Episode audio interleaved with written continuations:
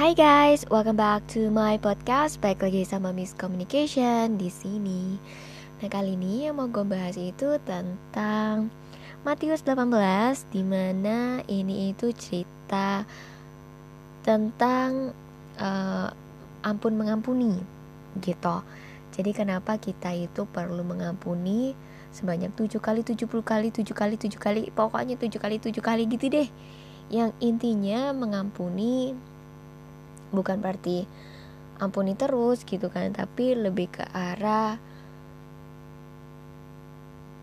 ya terus ya harusnya ya. Terusnya itu dalam artian ya secara terus menerus gitu.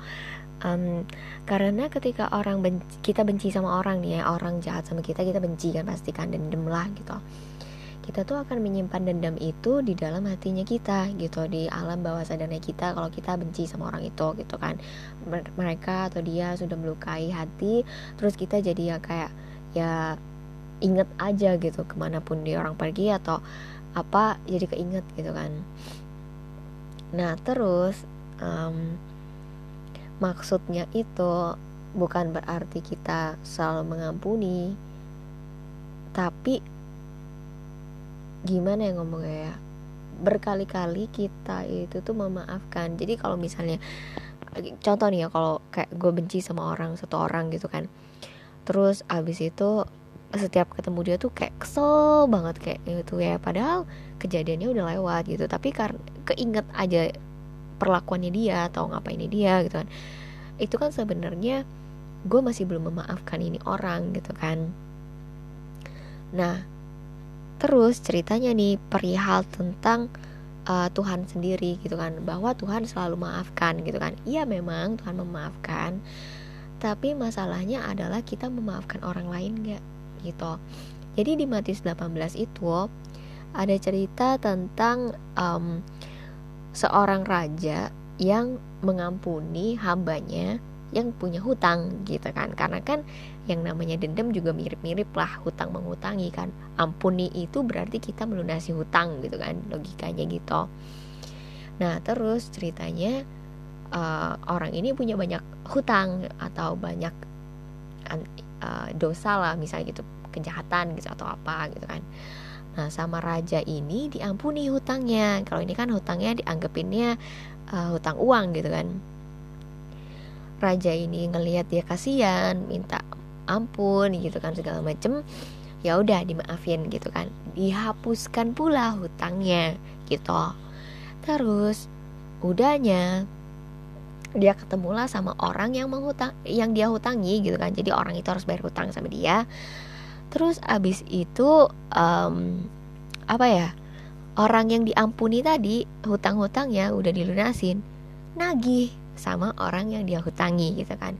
Jadi ceritanya A utang ke raja rajanya lunasi hutangnya tidak dihukum pula gitu kan karena ngelihat dia kasihan. Eh taunya dia ketemu orang si B yang dia utangi terus yang dia beri hutang lah ibarat kata gitu. Terus dia malah nagih-nagih ini si B gitu dan dia maksa-maksa si B untuk bayar gitu kan. Nggak diampuni nggak diapain pokoknya ditagih terus gitu kan. Terus udah gitu parahnya lagi dia hukum atau dia kejam lah sama ini B gitu kan. Intinya yang tidak mengampuni dan tidak melunasi gitu. Terus raja ini tahu kalau misalnya si A ini sudah diampuni hutang-hutangnya kok dia malah berbuat yang tidak baik gitu loh untuk si B gitu. Padahal dia sudah dilunasi hutang tapi dia tidak mau melunasi hutang si B gitu. Padahal si A ini kan sebenarnya kalau udah gak ada hutang berarti dia ya lega dong harusnya kok dia malah malah melakukan hal yang tidak terpuji yang which is nagih-nagih orang lain untuk bayar gitu padahal dia pun dikasihani oleh raja kenapa dia tidak melakukan hal yang serupa gitu kan sehingga ketika raja ini tahu, raja ini panggil lagi si A. Gitu. Kamu enak banget. Udah dikasih ampun, udah dilunasi utangnya, tidak dihukum pula. Kok malah kamu jahat sama si B? Gitu. Yang di mana B ini berhutang sama kamu, B ini tuh di posisi kamu tadinya. dan kamu malah kejam sama dia gitu kan tidak melunasi hutangnya dia gitu. Jadi apa yang dilakukan raja itu? Raja itu akhirnya menghukum si A. Gitu kan? Karena si A kan sudah menghukum B dan kejam terhadap B gitu kan? Nagi-nagi segala macam. Akhirnya Tuhan menghukum si A dan menagih hutangnya lagi gitu. Padahal hutangnya dia terhadap raja itu lebih banyak loh daripada si B utang ke A tapi karena B yang tadi sudah diampuni eh malah dia kejam terhadap yang lain. Ibarat kata perlakuannya dia itu kembali ke dia lagi gitu. Apa yang dia sudah lakukan ke si B dia dapatkan lagi dari raja kepada si A. Yang bahkan karena hutang dia lebih besar otomatis hukumannya juga lebih besar gitu. Dan kenapa ini bersangkutan dengan memaafkan memaafkan ini juga sama. Ketika kita tidak memaafkan orang lain kita tuh sebenarnya sedang memupuk satu bibit yang di mana bibit ini itu cuman kita yang ngerasain. Orangnya mungkin sebodoh amat kalau udah berbuat jahat kayak nggak peduli gitu. Tapi karena kitanya benci kita tuh secara tidak langsung makan diri sendiri gitu.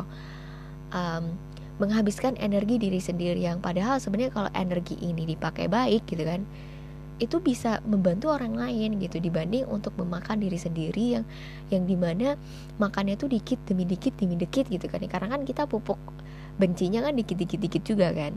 Jadi ya lama-lama ya makin gede makin menggunung gitu kan. Terus yang rugi siapa? Ya kita. Kenapa? Karena ya orang lain yang nggak peduli dia melakukan hal yang jahat apa pun nggak peduli. Sedangkan kita yang digituin kita akhirnya menggituin orang lain gitu kan ya dan kita memakan diri kita habis gitu. Energi kita dimakan habis oleh bencinya tadi oleh dendamnya tadi. Gitu. Oleh macam-macamnya tadi. Jadi yang rugi siapa? Yang rugi ya kita. Bukan orang. Kita yang rugi. Gitu. Jadi seumpama tentang maaf memaafkan. Kalau kita kita percaya dimaafkan oleh Tuhan yang Maha Kuasa dan kita juga mau memaafkan diri sendiri, kita juga pasti mau memaafkan orang lain. Memaafkan ini bukan berarti dia salah terus kita maafin lagi, salah lagi maafin lagi, tapi yang menurut gue yang dan gue percaya benar itu ketika itu dia melakukan kesalahan kita tidak mengingat-ingat dan memaafkan dan melupakan gitu. Jadi ya ada benernya juga sih ketika disalah kita maafin ya salah kita maafin. Yang kita ambil adalah maafnya. Dan solusinya gitu biar dia nggak ngulang-ulang lagi gitu kan karena kalau nggak gitu ya nggak selesai masalahnya tetap aja Makanya kenapa komunikasi penting. Makanya kenapa um, apa namanya urusan percaya untuk terbuka itu penting. Kenapa kita perlu memikirkan dua sisi gitu kan? Kenapa kita harus open minded? Kenapa kita perlu untuk menelaah lebih jauh gitu kan apakah yang terjadi itu gitu kan bukan hanya kepada diri kita tapi orang lain juga jadi kita itu nggak nyimpen dendam kita juga nggak nyimpen benci kita juga ya lebih open aja gitu untuk apa yang kita mau dibanding kita diem diem diem aja gitu kan. Gitu. Dan ya nggak salah kalau misalnya memang Tuhan itu maha pengampun iya. Tapi Tuhan juga menuntut kita untuk berlaku sama mengampuni orang lain. Memang kadang kita selalu bilang sama diri kita ya enggak kok aku udah ampuni gitu kan. Aku udah maafin. Tapi ketemu orangnya langsung panas langsung marah-marah. Tuh kan bener apa gue bilang? Dia tuh jahatnya gini gini gini gini. Pantasan aja gini gini gini gini. Terus ya udah sebenarnya itu menurut gue pun karena gue pernah di posisi itu itu belum memaafkan 100% itu belum mengampuni 100% itu tuh masih dendam itu masih benci gitu. Dan karena dendam dan benci ini yang rugi ya bukan orang itu yang rugi ya kita sendiri. Ya mungkin orang itu juga nangkep gitu kan ya. Sehingga apa yang keluar dari kita orang itu tangkap orang itu balikin gitu kan ya. Dia marah orang itu marah. Orang uh, dia kita benci orang itu benci gitu. Kenapa ini penting? Ya karena ya kita hidup itu kan bukan hanya untuk fokus di emosi itu tapi untuk fokus dengan energi baik yang kita ingin kembangkan. Kalau misalnya kita selalu berpikir yang jelek terus marah terus dendam terus pengennya di ngertiin terus ya ya capek. Kenapa? Karena ya gimana ya bilangnya? Hidup ini itu bukan berarti kita datang untuk dilayani. Hidup ini itu kita datang untuk mengerti diri kita kemudian kita memaafkan dan berusaha mengerti dan berusaha membantu orang-orang di sekitar kita tapi kalau kita belum sampai titik itu kita itu akan selalu kayak gimana ya bilang ya um, kalau gue sih ngerasanya kosong gitu kan ngerasanya kayak kayak selalu lihat yang jeleknya ngerasanya kayak kayak selalu kurang gitu. Tapi ketika kita ngerti nih ya bahwa kita hidup ini ada yang namanya the law of universe gitu kan ya hukum yang saling berkesinambungan berhubungan gitu. Dari sini itu kita gua ya tepatnya sadar kalau misalnya ya itu tuh nyata gitu loh. Kalau hukum alam itu the law of universe bukan hukum alam hanya fisika ya kayak buah jatuh gitu ke bawah gitu kan bukan hanya itu. Tapi juga di luar itu tuh ada sesuatu yang kita tuh nggak lihat. Dan itu tuh sedang berputar gitu loh. Karena jujur nih ya bumi aja bentuknya bulat gitu. Dia berputar ke titik um, semula gitu. Jadi kalau misalnya siang dia berputar ke malam kemudian berputar ke siang lagi berputar ke malam. Nah hidup kita juga sama. Pikiran kita perkataan kita perbuatan kita itu akan kembali dari apa yang kita keluarkan di titik semula. Jadi ya kalau ada yang bilang emang percaya hukum karma? Emang um, yang namanya hidup itu adil? Emang yang namanya um, apa namanya?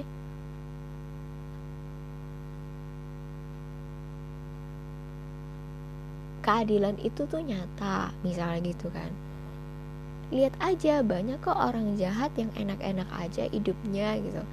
Lihat aja enak kok ini orang kaya yang semena-mena gitu kan.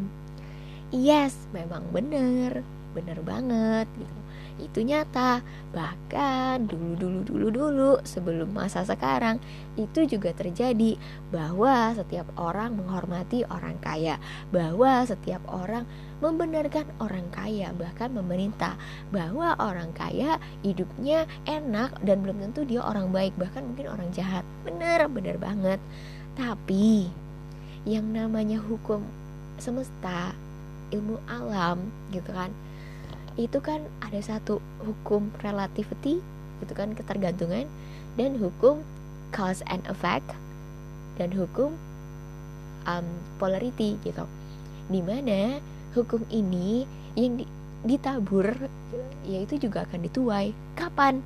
Cepat atau lambat? Kepada siapa? Kepada orang yang dia baikin atau yang dia jahatin. Kalau dia udah mati dan dia masih belum kena getahnya ya ada keturunannya kan? Gitu aja.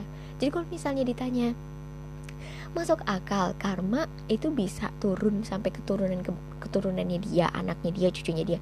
Ya masuk akal. Kenapa? Karena kan dia belum nemu uh, belum kena getahnya. Jadi orang itu akan inget orang itu kan pasti nanti tua nih orang yang dijahatin itu. Orang dijahatin nanti tua tua dia cerita ke anaknya. Anaknya ya pasti inget dong. Oh bapaknya ini dulu jahat sama bapaknya gue terus abis itu menurut menurut kalian ya emang anak itu ketika dia kaya terus abis ini atau berkuasa gitu kan ya. Terus yang pernah jahat sama papanya dulu dia bantu.